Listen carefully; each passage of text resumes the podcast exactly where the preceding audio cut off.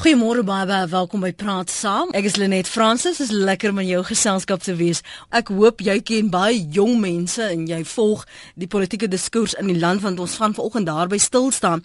'n Bietjie gesels oor waarom daar so min jong stemme in ons politieke diskurs is. Gewoonlik die ou hande wat die politieke gesprekke uh, of skep en sê waaroor ons moet praat of stuur of 'n uh, strategie rondom dit ehm um, skep. Ons praat hier oor na aanleiding van my gas vanmôre wat ek dink seker meer as 20 jaar gelede as 'n jong Afrikaner meisie haar eie politieke stem moes vind binne die Suid-Afrikaanse milieu en is baie interessant hoe haar lewe um, as jy nou daarna kyk elke keer maar 'n uitdaging is en was om haar eie stem te vind. Ek verwelkom graag van Melanie Verwoerd môre baie welkom Morgen, terug dankie. in Suid-Afrika ja. en Ja. by praat saam. Lekker om hier te wees, dankie. Wanneer het jy aangekom? Ek het gistermiddag ingevlieg en weet jy ek het vreeslik hard probeer om die loods te kry om op Waterkloof te land, maar hy wou glad nie.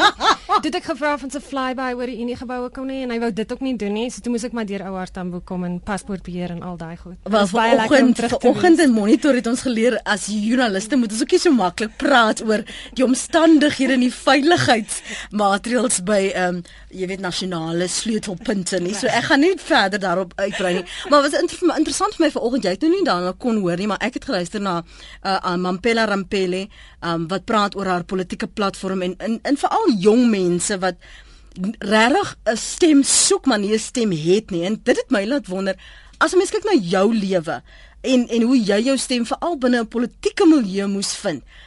Was jy maar ingegooi of was dit 'n natuurlike ontwikkeling, onthulling van dit is wie ek is dat my lewe na die politiek toe gegaan het of het dit politiek en polities geword omdat jy met ehm, 'n um, verwoed getroud was? Weet jy, ek dink nie ek het ooit beplan om in aktiewe politiek in te gaan nie. Dit was nooit my plan nie. En selfs as jy vir my 'n jaar voor ek in die parlement geland of miskien so 18 maande voor die tyd, sê vir my gesê het ek gaan 'n parlementslid word, het ek my doodgelag. Ehm, um, maar as ek nou dit sê, dan aan die ander kant moet ek ook erken dat van dit 'n klein is, sal mense vir jou vertel my ouma en my ma en almal dat ek was maar ek was maar kwaai in die sin van as ek aan iets geglo het, het ek altyd my punt gemaak, jy weet. En ek weet dat ek selfs my ouma hulle vir wie ek verskriklik lief was en baie tyd mee saamgebring het as 'n kind, het op 'n plaas net hier buite Vogwil, jy weet, naby Carltonville gebly. En ek het baie tyd by hulle deurgebring en ek onthou die eerste keer dat ek bewus geraak het van rasse probleme was toe ek een keer die vrou wat by hulle in die huis gewerk het, gaan saam met haar huis toe gestap het en besef het waar sy bly en ek was vreeslik ontstel en ek het teruggeloop huis toe en vir my ouma hulle gesê ek was baie kwaad daaroor. En as ek eendag die plaas erf, ek sou nooit die plaas geërf het nie, maar ek het gedink ek behoort. Ehm um, dan gaan ek alles verander en daar was 'n klomp mense daar gewees, daar was gaste en hulle het vir my gelag en ek was so kwaad. En ek dink ek was omtrent 7 of 8 gewees en ek het daai dag besluit nooit weer gaan iemand vir my lag as ek iets sê nie. En ek dink so dit dit het kleintyd al begin. Maar jy weet, ek het maar groot geword soos enige ander vrou en jy weet, ek meen ek dink dis deel van die probleem is good girls is nie veronderstel om te beklei nie en is nie veronderstel om te veel opinies te hê nie. So ek meen ek het dit ook maar in my lewe gehad. Ehm um, en groot geword op Stellenbosch en in Bloemhof en so aan mm. waar mense nou nie veronderstel is om te veel te beklei nie. Mm. Maar toe die politiek nou maar die pad met my begin loop. Ek het nooit beplan om aktiewe politiek te wees nie. Ek dink toe ek aan die by die ANC aangesluit het, jy weet ons kan meer daaroor praat, was 'n spesifieke ding wat gebeur het. Ehm um, nadat ek vir Nelson Mandela ontmoet het en jy weet Nelson Mandela toe ons hom die eerste keer ontmoet het, het hy vir my gesê, was net na hy vrygelaat is in die ehm um, uit die tronk uit, het hy gesê dat Mense moet besef dat as jy van soos verwoord dra of jy aangetroud is en of jy nou soos ek is en of jy nou gebore verwoord is, mense gaan vir jou luister as jy praat en jy moet besluit wat jy met daai stem van jou wil doen. En dit het my vreeslik geruk. En ek het baie daaroor gedink en dit is wat my gedryf het van toe af en ek was toe So dit was 1990, so ek was 23 gewees mm. toe ek hom ontmoet het. En so ek jy weet dit het maar my belangstelling so van al hoe meer gedryf na die aktiewe politiek toe. En ja. Ons praat vanoggend oor jong mense en waarom hulle stemme stil is in hierdie groter weier politieke diskurs in Suid-Afrika, maar ek is sekerlik met met die feit dat jy ambassadeurspaartjie was in in Ierland, dat jy dit ook daar gesien het. Is hulle meer aktief as jy as daar meer jonger mense wat uitpraat oor kwessies standpunt inneem? Nee, glad nie. Ek dink dis erger. Ek dink die probleem van jong mense wat nie belangstel in die politiek nie is baie erger in lande waar demokrasie ouer is. Ek ek beklei altyd met die jong mense daar en sê as julle weet hoe hard mense moes beklei het en hoe belangrik dit is vir ons om te stem, dan sal julle nie so totaal en al soort van apatie staan teenoor politiek nie. Ek dink jy weet daar veral omdat daar nie regtig soveel daar is natuurlik op die oomblik baie baie meer ekonomiese vrae en druk en so aan maar ek dink die feit dat dat dat daar's jy weet dis nie die die die sosiale probleme is nie so intens soos dit hier in Suid-Afrika is nie. En so ek dink jy weet die jong mense daar stel nog baie minder belang. As jy byvoorbeeld kyk hoe min men, jong mense stem en nie net in Ierland nie, maar in Engeland en in Amerika en en oor hele Europa, dis skokkende getalle. En dis definitief iets wat ons moet regkry want daar gaan nie daar gaan nie maklik jong leiers wees vir die toekoms nie. Hmm. Ek wil vir jou vra net gou by daai punt want ek wil bietjie gesels toe jy en Wilhelm die politiek betree het, was julle bloedjong hmm. of of daar jong mense was wat tog gevoel het julle is nou hulle stem. Maar hou net vas by daai punt en antwoord asseblief. Konnie is op Gouritsmond môre Konnie. Môre lê net môre ook en welkom aan ehm um, Melanie. Uh, ek wil net graag hoor by haar. Uh kom ek klaar dit se laaste. Hulle net jy het genoem van uh, Mampela Rampela. Uh het so 'n maand gelede terug daar op Wits het sy uh, gesê die Afrika die die jeug. Sy was daar uh, by die universiteit van van van Wits en sy het gesê sy het eintlik spesifiek die jong mense besoek en toe aangemoedig om in opstand te kom en betrokke te raak uh by die alledaagse politiek. Mm. Uh ek ek wil net graag hoor uh dink Melanie dat uh Rampela Mampela is in staat om betekenisvolle 'n uh, uh, persentasie jeug uh, van ons betrokke te kry te beïnvloed mm -hmm. en moontlik ook vir haar party te te werf. Mm -hmm. uh, en en en wat dink sy uh, hoe gaan Agang vaar as sy dalk vir ons daar 'n voorspelling kan waag? Dan net laastens uh, Melanie jy het uh, daar was 'n voorval waar president Mandela vir jou genooi het na onthaal toe uh, na klomp Afrikaner organisasies wat gereël was en jy het hom daar vergesel. Kan jy vir ons dalk net kort uh, vertel wat wat is daar bespreek en hoe het jy dit ondervind? Goed, ek luister by die radio. Baie, baie dankie. dankie. Kom ek gee net gou vir hom geleentheid om by die radio uit te kom hmm. asseblief Melanie. 0891104553. Jy kan saamgesels. Ons vra waarom is daar so min jonger stemme of jong stemme in Suid-Afrika wat deel is van ons politieke diskurs, maar ook wat betrokke is wat standpunt inneem oor die sosiale kwessies. Uh, jy het gehoor wat die omstandighede rondom jong mense se se apatie is al dan nie. Volgende jaar het ons 'n verkiesing en ons praat aan aanleiding van Melanie vir woordse se lewe eintlik om jou stem te vind binne hierdie politieke milieu. Maar kom ons praat oor wat Connie nou vir jou gevra het hoe som jy die situasie? Ek neem aan jy volg wel politiek in Suid-Afrika. Ja, ek kan natuurlik nie heeltemal so goed volg soos soos wat mense kan doen as jy hier is nie. Ehm um, ek kyk ENCA want dis op die kanale daar in in in Ierland ook. Ehm um, en ek volg so op die web en ek moet sê ek het geweldig respek vir Mampela Rampela. Ek ken haar vir baie jare en nou nie so persoonlik nie, maar ek het kontak met haar gehad en geweldig respek. Ek meen sy is 'n uh, reus in die politieke spel natuurlik 'n geweldige interessante geskiedenis as 'n persoon ook in haar eie reg. Ehm um, en ek ek dink sy gaan definitief 'n geweldige belangrike bydrae neem in die debat en hoe meer stemme daar natuurlik is in in Suid-Afrika hoe hoe jy weet hoe beter vir ons almal. Ons het die ons het al die stemme nodig. En ek hoop regtig dat sy 'n invloed gaan hê op die jeug en ek dink definitief dat daar is 'n groot groep jong mense wat baie vir haar sal respekteer en sal luister.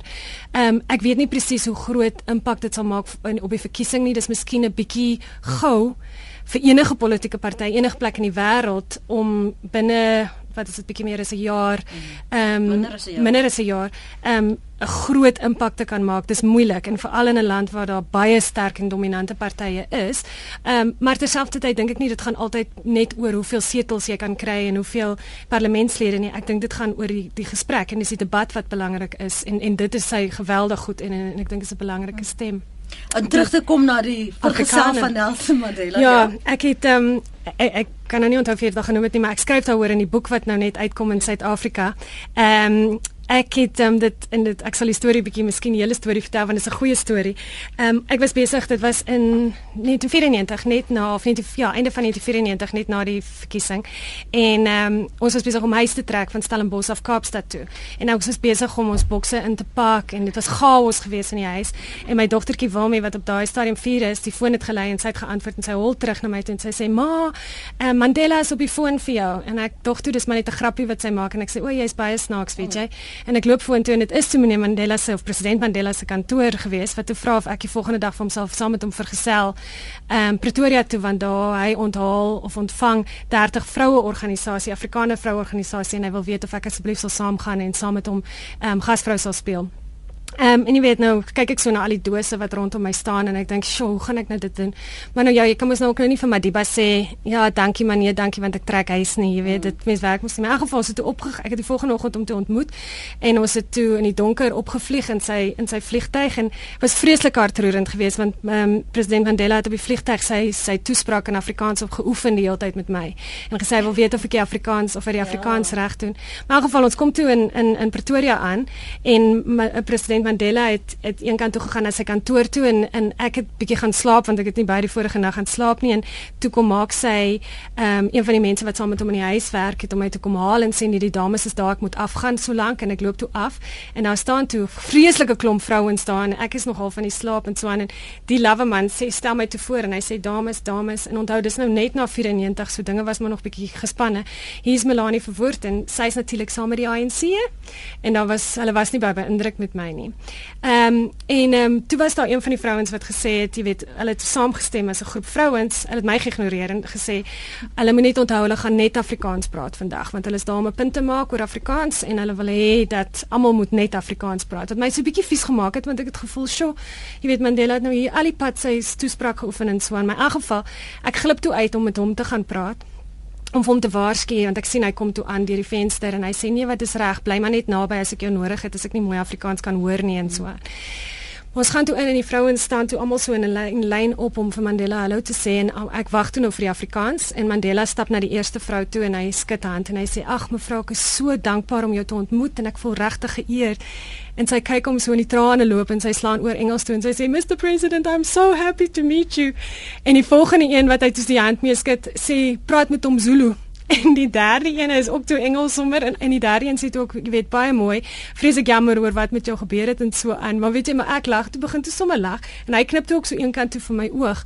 Maar dit was 'n vreeslik interessante dag geweest want ons het toe buite gaan sit en ehm um, gesels en Mandela het 'n vreeslike hartroerende toespraak gemaak oor die tyd op Robben Island en en ook sy liefde vir Afrikaans en hoe belangrik Afrikaans is en dat daar nie vir hom enige kwessie daaroor is nie en so aan. En aan die einde van die dag is dink ek die enigste punt wat gemaak is is hoe ongelooflik goed hy met rekonsiliasie is. Mm. En dit was 'n vreeslike lekker dag geweest en aan die einde was daar vreeslike mooi persentjies en daar was beskuit en melktert en mm. koeksisters wat die vrouens vir hom gebring het en ja, dit was 'n baie baie interessante dag geweest. Ehm um, en en een van daai dae wat Madiba se ongelooflike gees en spirit, ek weet nie regtig wat die Afrikaanse woord daarvoor is nie. Jy weet, is ook so mooi gewys het. Mm.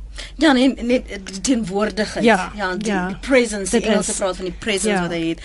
Um terug te kom na baie van die SMS'e, die e-posse vra oor 'n politieke vraag en ons gaan nou nie hmm. daarby uitkom. Ek wil tog vir jou vra toe, toe jy nou LP lid van die parlement hmm. en jy is 'n jong paartjie um daar op Stellenbosch, hoe maklik was dit? vir jou. Kyk, jy's aangetroud en mm. ingetroud. Hoe maklik was dit om jou eie identiteit en stem te behou as 'n paartjie wat nou by 'n ANC wat destyds toe in aanhalingstekens die vyand was om dit te bestuur, die omstandighede, die familie, die uitsprake, die politieke affiliasies. Dit was baie moeilik. Dit was geweldig moeilik. Ek het in ehm um, eind ja, einde 1990 het ek by die ANC aangesluit. Wel hulle met eers 'n jaar later aangesluit want hy was bekommerd oor die familie se reaksie. En toe ons aangesluit het, het albei van ons, wel uit ek aanvanklik en later wil hulle ook gesê vra vir die ANC dat ons wil nie 'n openbare, dis nie 'n standpunt wat ons wil inneem in openbaar nie. Dis 'n persoonlike keuse wat ons wil neem en of hulle sal omgee om dit nie openbaar te maak nie. En hulle het nie.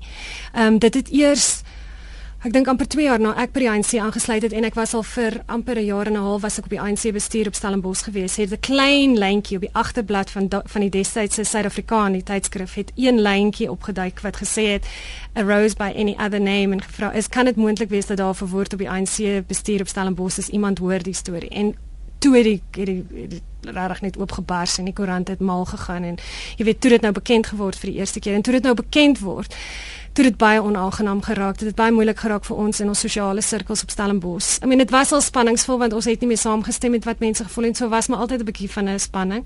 Maar jy weet, mense het op my gespoeg in die straat.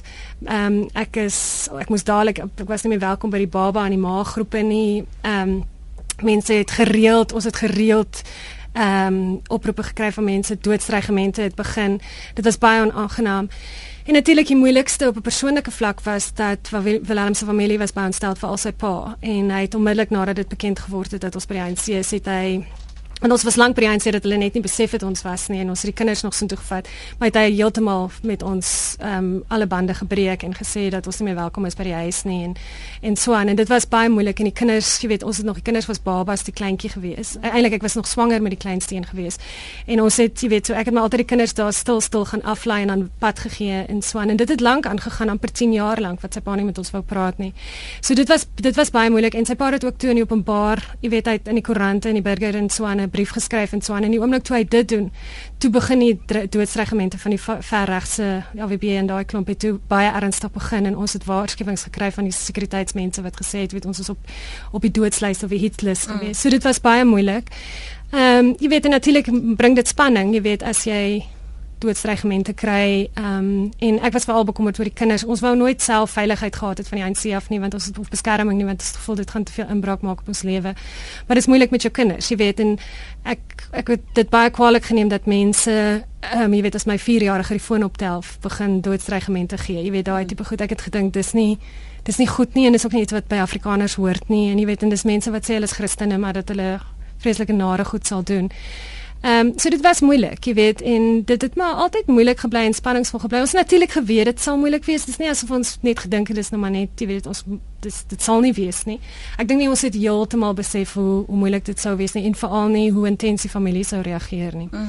En en om om in binne 'n kultuur, 'n politieke kultuur aan te sluit ja. wat wat ook nie jy reg is nie. Nee. Uh, was jy aanvaar of was jy weet was jy die ou oh, jy weet die die flavor of the month? Omdat jy wit is en jy is by die mm. ANC en jy dra nog die van ook. Nee, weet jy, dit was die wonderlike ding van die ANC. Ehm um, ek ek ek skryf ook daaroor in my boek. Die eerste keer wat ek wat ek aangestel is by die ANC op die ANC bestuur, wat ek verkies is op die ANC bestuur, was die aand wat die laaste referendum gehou is wat die klerk geroep het om te hoor of hy moes aangaan. En dieselfde aand was dit die ANC se verkiesing. Nou ek was toe al 'n lid van die ANC, maar ek gaan toe saam met een van my vriendinne op Stellenbosch, Annie Gagiano, en daar sit ons in Kayamandi op Stellenbosch in 'n shack. Daar was nie elektrisiteit in die shack nie, dit was gesteelde elektrisiteit. So kok kon dan gaan die krag af as iemand nou 'n koppie water of kookwater of iets nodig het laer af van die pad want dan trek hulle die proppe uit jy weet van die van die van die extension leads. Ehm um, en daar sit ek jy weet ek dink daar was 3 van ons wat wit was in 'n saal propvol mense. Die elektrisiteit is gedurig af. Het gereën. Dit was April maand dink ek of so iets in die Kaap. En pikdonker en ek dink by myself goeie genade as mense nou sien waar ek sit, sal hulle almal dink ek's nou nou dood, jy weet. En natuurlik daar was niks daarvan. Ek het vreeslik veilig gevoel. Ek het gevoel ek behoort daar. Maar terselfdertyd is daar nooit te vasgemaak nie. Dit was dit is en dit was definitief en ek dink is nog steeds die ding van die ANC dat dit waarlik in daai opsig 'n veel rassige party was. Jy weet, as jy 'n lid is, dan was jy 'n kamerad en dis dit. Maar jy moet ook nou nie dink jy kan nou vir jou hier kom belangrik hou oor jy verwoord is en of jy wit is nie. Jy weet, en niks daarvan nie.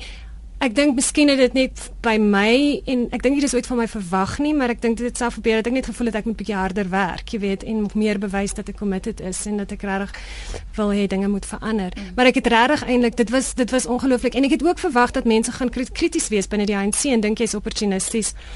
En weet jy nie een keer is daar ooit vir my vrae gevra of ehm um, is die verwoording eers opgebring nie. Natuurlik met die 94 verkiesing het hulle vasgemaak teen die tyd dat hulle toe hulle gevra het of ek sal staan vir die parlement. En natuurlik het dit 'n weet daar was billboard dink ek gewees. Daar was een bord wat gesê het net in die ANC is daar 'n Gandhi want Ella Gandhi was mos ja, ook 'n parlementslid. Ja. Net in die net in die ANC het jy 'n verwoord en 'n Gandhi saam in een party, jy ja. weet. So maar afgesien daarvan nee. 25 minute oor 8 ons praat oor waarom daar so min jong eh, stemme is in ons politieke diskurs in Suid-Afrika. En ons praat na aanleiding van Melanie Ver Melanie ekskuus tog sy, sy eie ervaring van die politiek binne Suid-Afrika. En ons gaan ook haar lewe waar sy in uh, is um, Israel in Ierland gewoon het en en die polemiek rondom haar daar want sy is nogal 'n viervreter. Dit lyk soms by tye waar jy kom is daar maar 'n storie Melanie? Weet jy ek verstaan dit nie. Ek kan nie verstaan hoekom ek altyd die lewe vir my jouself moeilik maak nie. Ehm um, ek dink dis maar die ding as jy uitpraat vir waarna jy glo, jy weet, en 'n lewe lewe waarna jy glo. En ons praat vanoggend en praat saam. Jy kan saamgesels en hoekom jy dink daar is so min stemme, jong stemme. Uh Tinus, ek gaan by jou vraag kom, hoor, ek het dit gesien en Donald baie ook dankie vir jou terugvoer op ons webblad uh, rsg.co.za. SMS is welkom by 3343. Kom ons hoor wat sê Louise. Sy is in die Noordwes. Môre Louise. Goeiemôre. Ek wil graag vir Melanie vra of eintlik wil ek opmerk as ons kinders se rolmodelle soos uh, Biskop Tutu sê ek gaan nooit weer ANC stem nie. En die jong kinders sien al die mis ag die uh, bedrog wat aan die gang is. Ehm um, hoe kan hulle betrokke raak met sulke rolmodelle in die uh, eh, ANC? Hoe kan hulle betrokke raak by die politiek? Goed, so jy sê die voorbeelde binne die politiek, nie net noodwendig binne die ANC nie, maar binne die politieke milieu in Suid-Afrika, um is sodanig dat die jong mense dan nou skepties sal wees? Ja, as gevolg van al die bedrog wat aan die gang is. Goed Louise, ek gaan vir jou nou nog kans gee om daarop te reageer. Uh, Donald wil juis ook na aanleiding van dit uh, weet wat jy dink van die rigting waarin die ANC gaan, die feit dat hulle teen als gaan wat die mooi beleid sê spesifiek dan nou al die skandale skryf Donald Donald van Kreersdorp um, en as daar mense met integriteit is veral in die ANC kan hulle teen hulle leiers opstaan. Kom ons begin sommer eers by Donaldson. Weet jy miskien sal ek sommer so alles saam aanvat. Ek dink die een ding is dat ehm um, die een ding wat ek weet nou van baie jare in die buiteland wees is dat korrupsie is nie uniek aan Suid-Afrika of Afrika of die ontwikkelende wêreld nie heeltemal die teenoorgestelde. Ehm um, en die probleme wat ons hier in Suid-Afrika het is oral oor die wêreld. I mean die sosiale probleme, dis miskien bietjie erger hier, maar dis nie asof dit uniek is nie. Maak nie saak waar jy gaan nie. En jy weet ek ek, ek reis baie en ek reis baie beide in die sogenaamde eerste wêreld en in die 2/3 van die res van die wêreld. So dit is die een ding dink ek wat ons moet besef. Daar's niks uniek daar nie. En dis ook nie asof daar nie korrupsie was voor die ANC en bewind was nie. Jy weet die teenoorgestelde. Ek dink die een een ding wat positief is en ek weet dit klink so bietjie snaaks om dit te sê is ek raak baie bekommerd as jy nie hoor van korrupsie nie, want waar daar mag is en waar daar geld is, is daar korrupsie en dit is altyd binne die politiek. As jy nie daarvan hoor nie, dan moet jy weet dit word net weggesteek. Ehm um, so dis die eerste ding. Die tweede ding is dat mense gaan juis in die politiek en omdat jy goed wil verander. Ehm um, en jy hoef nie noodwendig in die ANC aan te gaan nie. Die ANC was my keuse op daai stadium op daai stadium binne die politieke geskiedenis waarin ons was.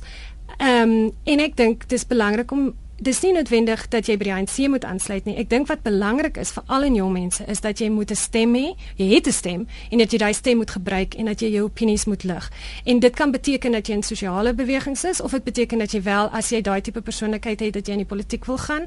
Ehm um, En en en ek voel baie sterk daaroor dat om in die politiek te gaan, moet jy in elk geval voel daar's iets wat jy wil verander. Hoe anders mm. raak jy net 'n mm. 'n loopbaan politikus? Mm. En ek dink is geweldig belangrik. Dit is dink ek miskien een van die probleme wat ons op die oomblik het soos baie ander lande, is dat mense gaan in die politiek nie omdat hulle iets wil verander nie, nie omdat hulle noodwendig glo aan sekere waardes of nie omdat hulle glo in sekere beleid nie, mm.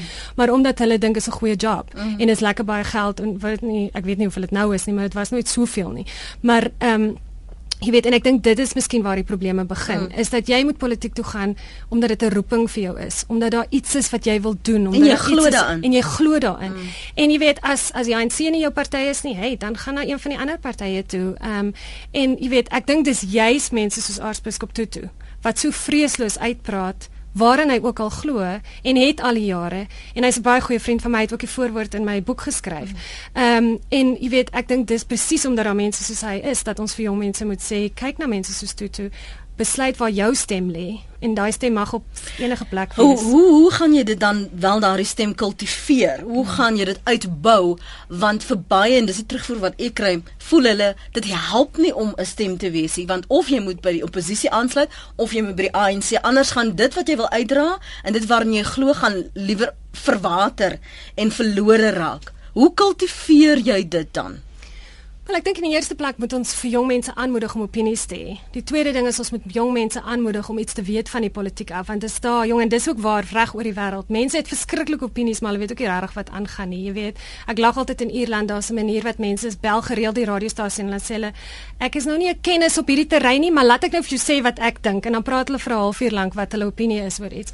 En ek dink dis deel van die probleem ook, jy weet, is en ek dink veral met jong mense, dit bekommer my en en ek het ook maar 'n opdraande pad met my eie kinders. Jy weet daar is soveel ander goed wat hulle aandag aftrek vandag. Jy weet daar is Twitter en daar is Facebook en daar is video games en daar is daar's net soveel goed wat kinders kan stimuleer op hierdie stadium van hulle lewens. En ek dink dat jy weet politiek is amper vir ou mense en en ek dink En dit het verander van 94 af. In 94 as jy veral in 'n township ingeloop het, nie so nie soveel onder onder my peers nie, maar as jy ingeloop het in 'n township in of of weet in die Cape Flats ingeloop, al die jong mense het opinie gehad. En mense het geweet wat aangaan. So en mense het gedebatteer jong en jy sou nie jy weet ek sou soms nie 'n professor van Stellenbosch teen 'n 18-jarige kind in Soweto laat debatteer het nie want die professor sou verloor het. Dit is nie vandag dink ek meer mm. daar nie en dit bekommer my en dit is omdat ons nie kinders genoeg in politieke debatte sit nie. Ons laat nie kinders ons miskien ek weet nie of mens kinders ooit kan forceer nie, maar daar's nie genoeg van 'n van 'n belangstelling nie. Ek wil net nog een punt maak hier op en dit is nog al iets wat my baie bekommerd weer eens wêreldwyd. Ons is ook geneig om politieke vuil werk te maak deesdae. Daar's soveel negativiteit oor politiek as 'n beroep dat baie goeie mense wil nie meer in die politiek ingaan nie. Want jy weet, as jy in die politiek ingaan, gaan, gaan jou hande moet gaan jou hand. Wel, mense gaan in elk geval dink jou hande is vuil. En dit is die probleem dink ek ook. Jy weet dat mense is net nie meer aangetrokke tot die politiek nie, want jy weet, die oomblik as jy daar instap, gaan mense sê jy het vuil hande, jy's ook nog maar een van hulle. Die media gaan jou begin loop. Jy weet dit is 'n baie tawwe plek om te gaan. Mm. En ek dink ons moet ons ook oppas om so en dit is jy weet hulle praat baie daaroor in Amerika en Europa ook dat dit is toenemende probleem dat goeie mense wil nie meer in die politiek ingaan nie. Kom ons hoor wat sê Jack hy vir ons aan daar op Kimberley. Hallo môre Jack. Goeiemôre, gaan dit vanoggend? Goed en jy? Nee, wat lekker koud hier man, lekker koud. Wat het jy te sê? Man, kyk, die jong, die jong mense van vandag. Hulle wil nie meer stem nie want hulle want hulle ooit begin oopgaan. Kyk wat in die skole aangaan kyk hier, dis kyk uh ek weet nie wat mag sê aan sy of wat nie. Mm -hmm. Maar maar ja, ja, sy beloof dit en hulle beloof dit en hulle beloof dit. Niks gebeur nie. Ek sien ek wil daai iets gas vir jou. Moet bietjie Kimberley toe kom om te bietjie kom kyk wat gaan hier aan. Wat se beloftes is hierso? Die mense se huise val uit mekaar uit. Almal is huise beloof. Die mense bly in seks hierso. Hulle vrek van die honger. Dit gaan diep swaar. En nog 'n ding is ek dit is dit is hoekom die jong mense. Ek het nou die dag ek het twee ek het twee ouetjies wat hierso wat die wat hier my werk, jongetjies. Mm. Toe vra ek hulle reg, ek sê hoor hierso gaan julle 12 stem. Dis sê hulle nee wat hulle werk vir geld, hulle hoef nie pap en vleis vir nie te kry nie. Mm. sien jy dit dit dit is waaroor die hele storie. Hulle het hulle sit almal daar bo en dink dit gaan goed en al daai goed. Plaas, kyk hulle bietjie wat er die mense aangaan. Mm. So jy sê die fokus moet verander, uh, Tina, uh, Jack, excuse. Ja, man, ek meen, jy sien, die land is besig om in, om in sy kanon te gaan. Dis hy, die land se ekonomie is in sy kanon. Alles in sy kanon. Alles loop afdraande. Wanneer wanneer skoor die beloftes bietjie nagekom? Goed. Wanneer word die land opgebou vir 'n slag? Ja. Dankie Jack wanneer word die land opgehou vir 'n slag? Tine skryf, ons almal oud en jonk het regtig 'n behoefte aan 'n politieke party wat fokus op die dag tot dag sake.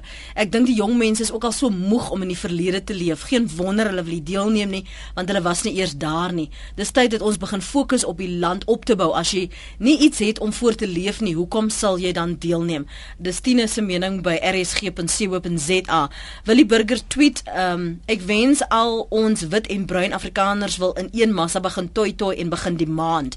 Wenet Matane tweet: Ek dink Madiba het eendag gesê om die vyand aan te vat, leer sy taal en leer hom verstaan vir common ground onder korreksie. So die jong mense moet aanpas by die ouer politici om 'n standpunt te kry. Die ouer politici moet common ground vir die jong mense gee om 'n stem te kry en hulle te kan bereik. Weet jy, ehm um, baie goed. Die ding is ek ken nogal vir Kimberley, my pa daar gebly vir 'n lang tyd, so ek ken vir Kimberley. En daar's natuurlik niemand kan wegkom van die ding af dat ons het geweldige sosiale probleme wat ons moet oplos en ons moet dit oplos. Daar's nie 'n kwessie daaroor nie.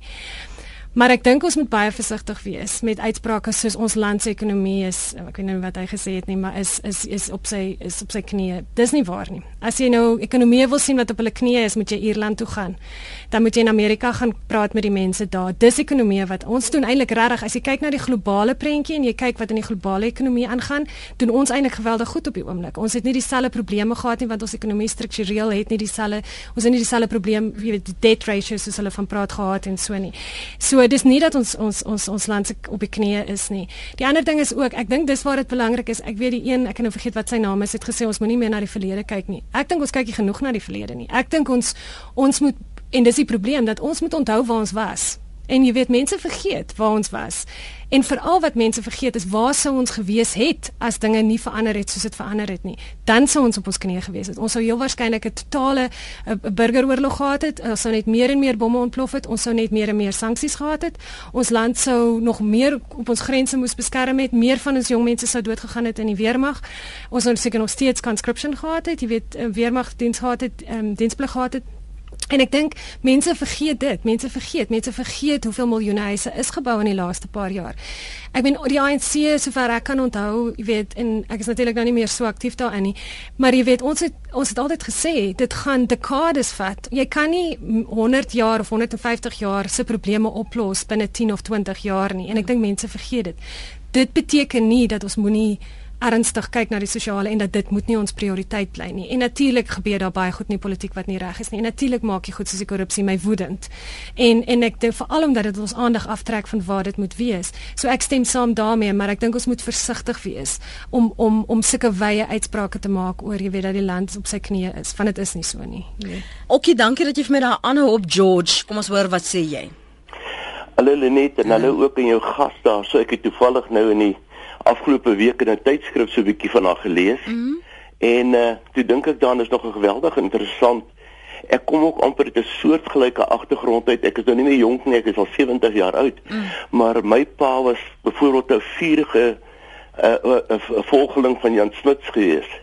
Hy het natuurlik nog gedink in daai jare toe ons nou kinders was, het hy nou vir ons altyd gesê dat John Foster was die grootste terroris wat die wêreld nog geken het. Mm. en sy standpunt was so hy nou gaan veg het vir die land in die mm. Tweede Wêreldoorlog toe hulle die die poskantore in Brûe opgeblaas hier so in die land. Jy weet al wat mm. was so so Ossewal brandwag beweging gewees. Nou dit was nou sy mening gewees. Maar dit is nou interessant, jy weet terwyl ons eintlik groot geword het basies sonder apartheid. My skoolmaats was my, my speelmaats was voorbeeld Basotho seuns gewees. Mm.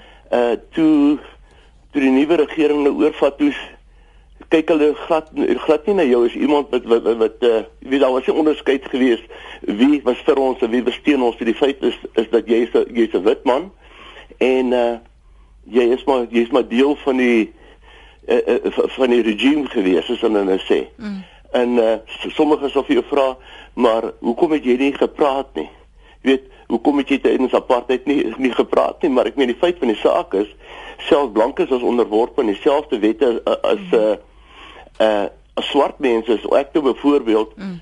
ons baie goeie ou ou huishulp wat ons kinders opgepas het so ek kan byvoorbeeld alleen in my motor gelaai het en dan teruggevat het na huis toe dan kan ek gearresteer word want dit was nie toelaatbaar in daai tyd gewees nie so ek dink daar word dikwels vergeet dat die mense wat die swart mense goedgesind was die blankes wat die swartes goedgesind was vandag maar onder dieselfde kam geskeer word daar's geen erkenning regte vir wat hulle gedoen het nie. Goed, okay, kom ons hoor wat Melanie daarop te sê het en dan wil ek gou vir jou lees wat sit in die Opperman skryf.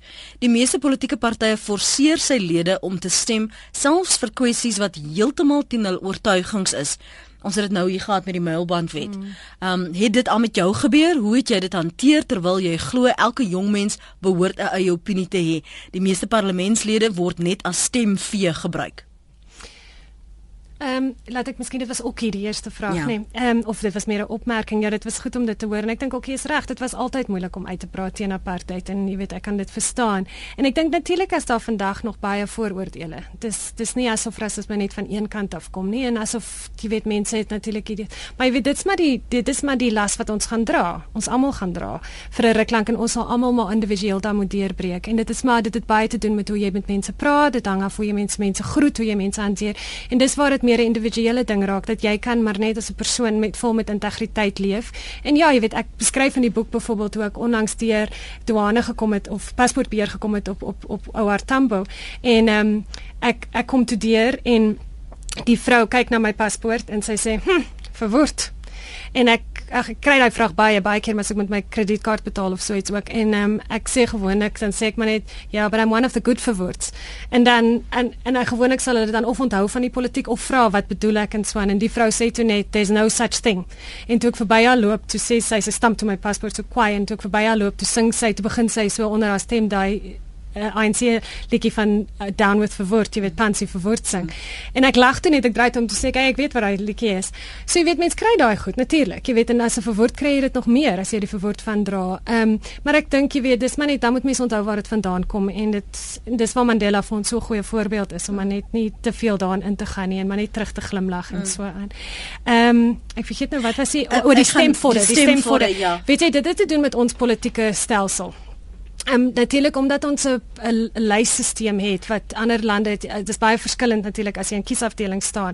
En ehm um, daai lysstelsel is 'n goeie goeie stelsel in sommige opsigte, maar nie so goed in 'n ander opsigte nie. En daarom, jy weet, is dit natuurlik moeiliker vir partye om jou toe te laat om net jou eie want jy staan nie as 'n individu nie. Jy staan as 'n lid van jou politieke party. Maak nie saak of dit DP is of DA is nie en of jy ANC is of wat dit ook al is nie. Jy staan as 'n lid van 'n party, nie as jy as 'n individu nie.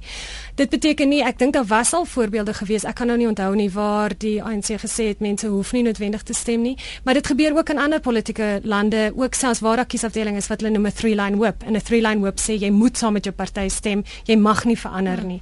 Dit is moeilik natuurlik, maar as ek ek weet byvoorbeeld toe ons op 'n stadium oor die abortuswetgewing gestem het net na 94, het die ANC toegelaat mense wat baie ernstig daaroor gevoel het dat hulle kon abstain, so hulle hoef nie te gestem het nie. En dis maar die manier om daarmee te deel dan. Mm. Ons praat vanoggend spesifiek oor hoe jy jou stem nie net binne Suid-Afrika nie maar in jou lewenspad gevind het tot dusver um, na aanleiding van die die feit dat daar is nie genoeg jonger stemme in mm. enige politieke party nie. Jy sien hier en daar, maar daar's niemand na vore nie, niemand wat die diskurs lei nie, niemand wat regtig sê maar ons moet hieroor praat nie. Jy gaan van Suid-Afrika na 'n land toe uh nou jy was natuurlik jy was die ambassadeurspaar in mm. Ierland en jy word die hoof van UNICEF. Mm -hmm. Hoe hoe is jy aanvaar? Want as ek net nou so die boek lees, was dit maar ook 'n opdraande stryd want dis nie jou mense nie, maar jy bestuur projekte, jy mm. jy het inspraak en insa. Ja, weet jy, dis natuurlik maar altyd 'n aanpassing as mens na 'n nuwe land toe gaan. Ehm um, In Ierland was ek is baie lief vir Ierland. Ehm um, ons ek het nou ook dubbele burgerskap omdat ek al so lank daar is. So dit help ten minste met al die visums as jy wil rondreis in Europa, maar ek sal nooit my Suid-Afrikaanse een laat gaan nie. Ehm um, Ek weet dit is moeilik geweest in in in in UNICEF. Ek is ek was verskriklik gelukkig in UNICEF. Ek moet dit nou sê. Ek het geweldig geniet. Ek sê altyd dat ek is baie gelukkig om in die buiteland te bly solank ek weet ek kan vir Afrika of die ontwikkelende wêreld of Suid-Afrika werk. So dit dit was jy weet ek was geweldig gelukkig daar, maar natuurlik as iemand wat van die buiteland af kom, ehm um, is dit moeilik, jy weet, en veral as hulle as jy begin uitpraat oor goed, Ehm um, ek het op 'n stadium 'n radioprogram aangebied in Ierland wat gegaan het oor ehm um, die veelrassigheid in Ierland. En natuurlik dan het ek 'n paar keer vir Ierland bygekom en so en natuurlik die oomblik as jy begin krities raak, dan baie vinnig, dan is jy hoekom gaan jy nie huis toe nie of of selfs nadat ek hierdie boek geskryf het, die boek het verlede jaar in Ierland uitgekom. Ja, vertel gou vir mense die konteks van die boek ja. want hy het 'n ander naam gehad in Ierland en ja. hy, en, en so lank gewag omdat hy nou eintlik kan verskyn. Ja. So gee net vir 'n konteks want ja. baie weet nie die drama wat in Ierland ja. afgespeel het met die boek en met jou lewe nie of nou wat jy in Suid-Afrika ja. is nie. Sê gou net ek ek sal kortliks vertel ek en Willem is um, uitmekaar uit ons is ongelukkig geskei um, in 19 in in 2005 en 'n paar jaar later het ek 'n wonderlike man ontmoet wat 'n radioomroeper was baie bekend was in Ierland en ons het 'n wonderlike 2 jaar saam gehad en um, baie lae profiel probeer handhaaf as 'n couple alhoewel hy baie baie hoë profiel gehad het. Ek was by UNICEF en toe Ehm um, is in 2010 het ek um, met hy my eintlik begin aanmoedig om my boek te skryf. Mense baie mense het oor jare vir my gesê skryf die boek, skryf van die mense gaan vergeet wat dit was, hoe dit was in 94 ook vir jou kinders se onthaalwe. Maar ek het altyd gedink ek is nog bietjie jonk om 'n jy weet om 'n biografie te skryf, autobiografie te skryf. Ja. En toe in 2010 het hy my aangemoedig en 'n uh, uitgewer het met my begin praat, maar toe 'n paar dae so so in die middel van April in 2010 het hy vir my eendag heeltemal uit die blou te gevra dat ek hom moet beloof dat as hy ooit doodgaan of wanneer hy eendag doodgaan, hy was so 10 jaar ouer as ek, dat hy dat ek hom sal beloof dat ek oor hom en oor ons sal praat, juis omdat ons so lae profiel het en omdat hy ook weet ek is baie privaat oor my privaatlewe. En ehm um, Ek het hom beloof want ek het gedink is baie maklike belofte om te maak is ons gaan nog 20 of 30 jaar saam wees ten minste en en so aan maar toe baie hartseer en baie ongelukkig is hy 2 weke later skielik oorlede. En dit was 'n vreeslike drama in my lewe gewees. Ek het verskriklik swaar gekry um, met 'n vreeslike amok veroorsaak in Ierland want in Ierland natuurlik alhoewel hy al vir 2 jaar nie meer by sy vrou was nie in Ierland moet jy 4 jaar uitmekaar uit wees omdat dit so 'n streng katolieke land is en egskeiding het eers in 95 wette geword in Ierland. Ehm um, moet jy vir 4 jaar uitmekaar uit wees voordat jy mag skei. So hy was nog wetlik getroud met haar ten spyte van dat ons mekaar eers ontmoet het nadat hulle so, jy was 'n ander vrou. Ek was skielik 'n ander vrou en ehm um, jy weet dit het maar dit was bitterlik swaar. Jy weet sy vrou het onmiddellik sy liggaam kom opeis. Ek moes onmiddellik uit die huis uit trek. Ons ons twee huise gehad, maar die huis wat ons saam opgesit het en ek en en so aan. En dit was baie pynlik. Ek het geen rol by die begrafnis gehad nie. Ek het gesê ek moet dankbaar wees dat ek by die begrafnis toegelaat het en so aan. Baie baie pynlik. Ehm um, in geval maar toe 2 jaar later het ek gevoel ek is reg nou om oor hom te skryf en oor ons te skryf alhoewel die boek net 'n klein omtrent 'n derde aan die einde van die boek mense sal sien gaan oor die oor daai deel spesifiek. Maar toe ek die boek nou uiteindelik uitbring verlede jaar amper 3 jaar nadat hy dood is, was daar maar redelik amok geweest daaroor en sommige mense het gevoel omdat hulle geklassifiseer is as die ander vrou behoort ek nie die boek te geskryf het nie. Ten spyte daarvan dat twee die boek absoluut oor my lewe gaan en nie oor hom nie. Ehm um, en en daar was ook 'n hofsaak geweest wat iemand toe die boek al klaar op die rakke is, as die boek probeer het om die boek te stop, so die boek moes eers weer afgetrek word en toe die hofsaak uiteindelik het, het die ou nie voortgegaan met die hofsaak nie en ek het net 'n verklaring uitgereik daaroor en in die boek gesit. So dit was 'n groot groot drama gewees en die boek se naam in Ierland was When We Dance, maar hierso is dit nou The Verwoord to Toy Toy wat wat hopelik mense 'n bietjie laat glimlag ook. Ehm um, so ja, dit is gelukkig het die boek baie goed laat verkoop toe. Al die drama in die boek baie goed laat verkoop. sien jy hoekom ek net al gesê die drama volg jou? ja, hoor kom ek praat geëers met anoniem Uh, môre, as jy in Blue Downs. Dis reg, uh, né? Môre, hoe gaan dit daar so? En en die gas daar. Ek wil net sê hoekom ons uh, kleerling jeug nie vandag stem nie, mm. is omdat die die die die die swart bevolking, die jeug dink dat hulle voorvaders het vir alles beklei in hierdie land. En dit is nie so nie. Maar ons wat leiers het wat daar in hoë poste sit, hulle is te bang om te praat. Kyk hulle het my my my vriend Ellen Busak. Kyk hy stil vandag en hy was een van ons bestes gewees. Nou as ons in die wit mense kan saam staan in 'n goeie politieke party stig, dan sal dit regkom. Maar anoniem? Ja. As 'n rake mens stil omdat iemand anders jou stil maak of besluit jy nog steeds ek gaan uitpraat? Ons wil graag uitpraat, maar ons kan nie, ons word stil gemaak. Kom ek hoor wat sê uh, Melanie daaroor. Dankie. Al die pad daar van Mitchells Plain.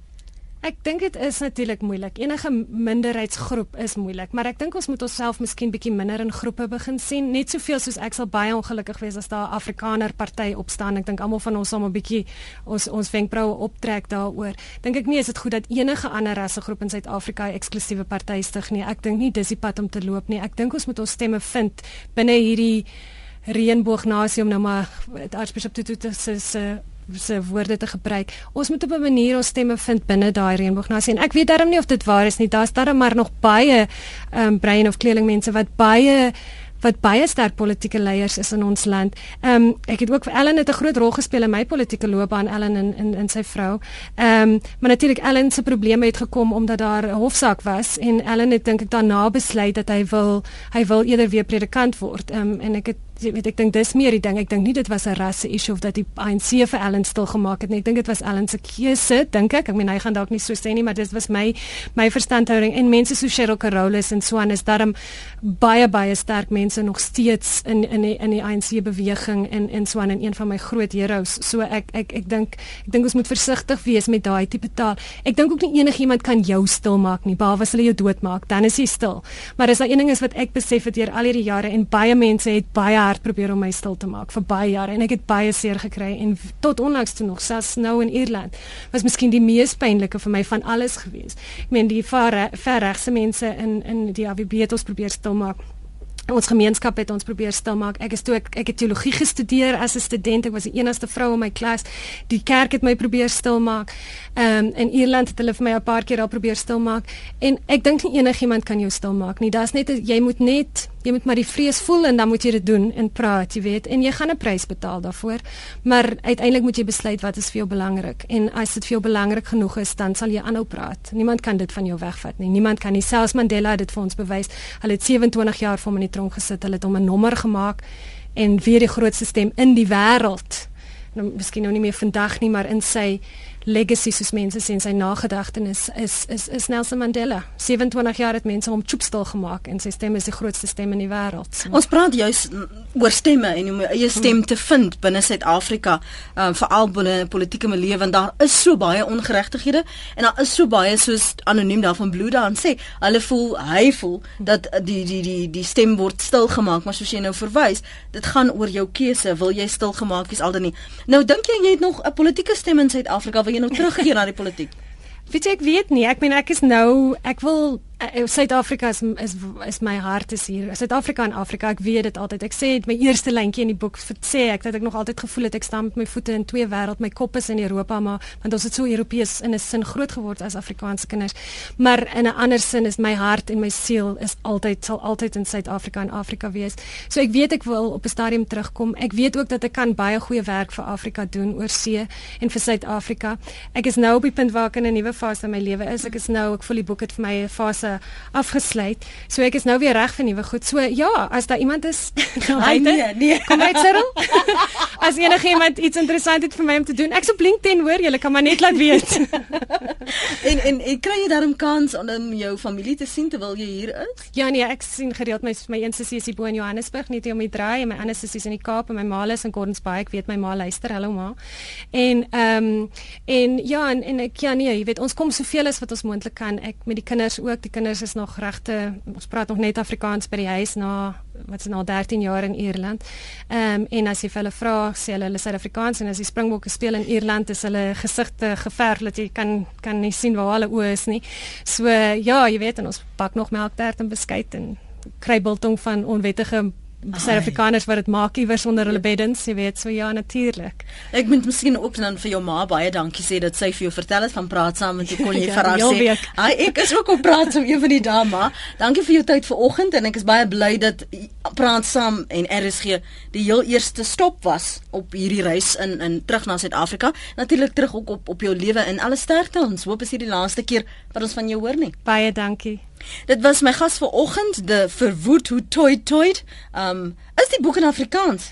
Weet jy nie nog nie. Ehm um, as daar genoeg Afrikaanse mense is, sal ons dit oorweeg, maar dis baie maklike Engels geskryf so mense sal lekker lees hoop ek. Sal maar nuwe kommentaar daar oplewer nie, hoor. Dis Melanie Verwoerd wat vanoggend gesels het oor hoe sy gestruggle het om haar eie stem te vind uh binne die politiek, maar nie net uh, binne die politiek in en teologie nie, maar ook binne haar self. En ons praat natuurlik na aanleiding van die afwesigheid van jong Turke in die Suid-Afrikaanse diskurs. Jy kan weer luister na die program, laai dit af by uh, rsg.co.za. Die vir môre oggend in die omgewing van 5 minute oor 8 is ek terug en dan praat ons weer verder. Groetens van my Lenet Fransis.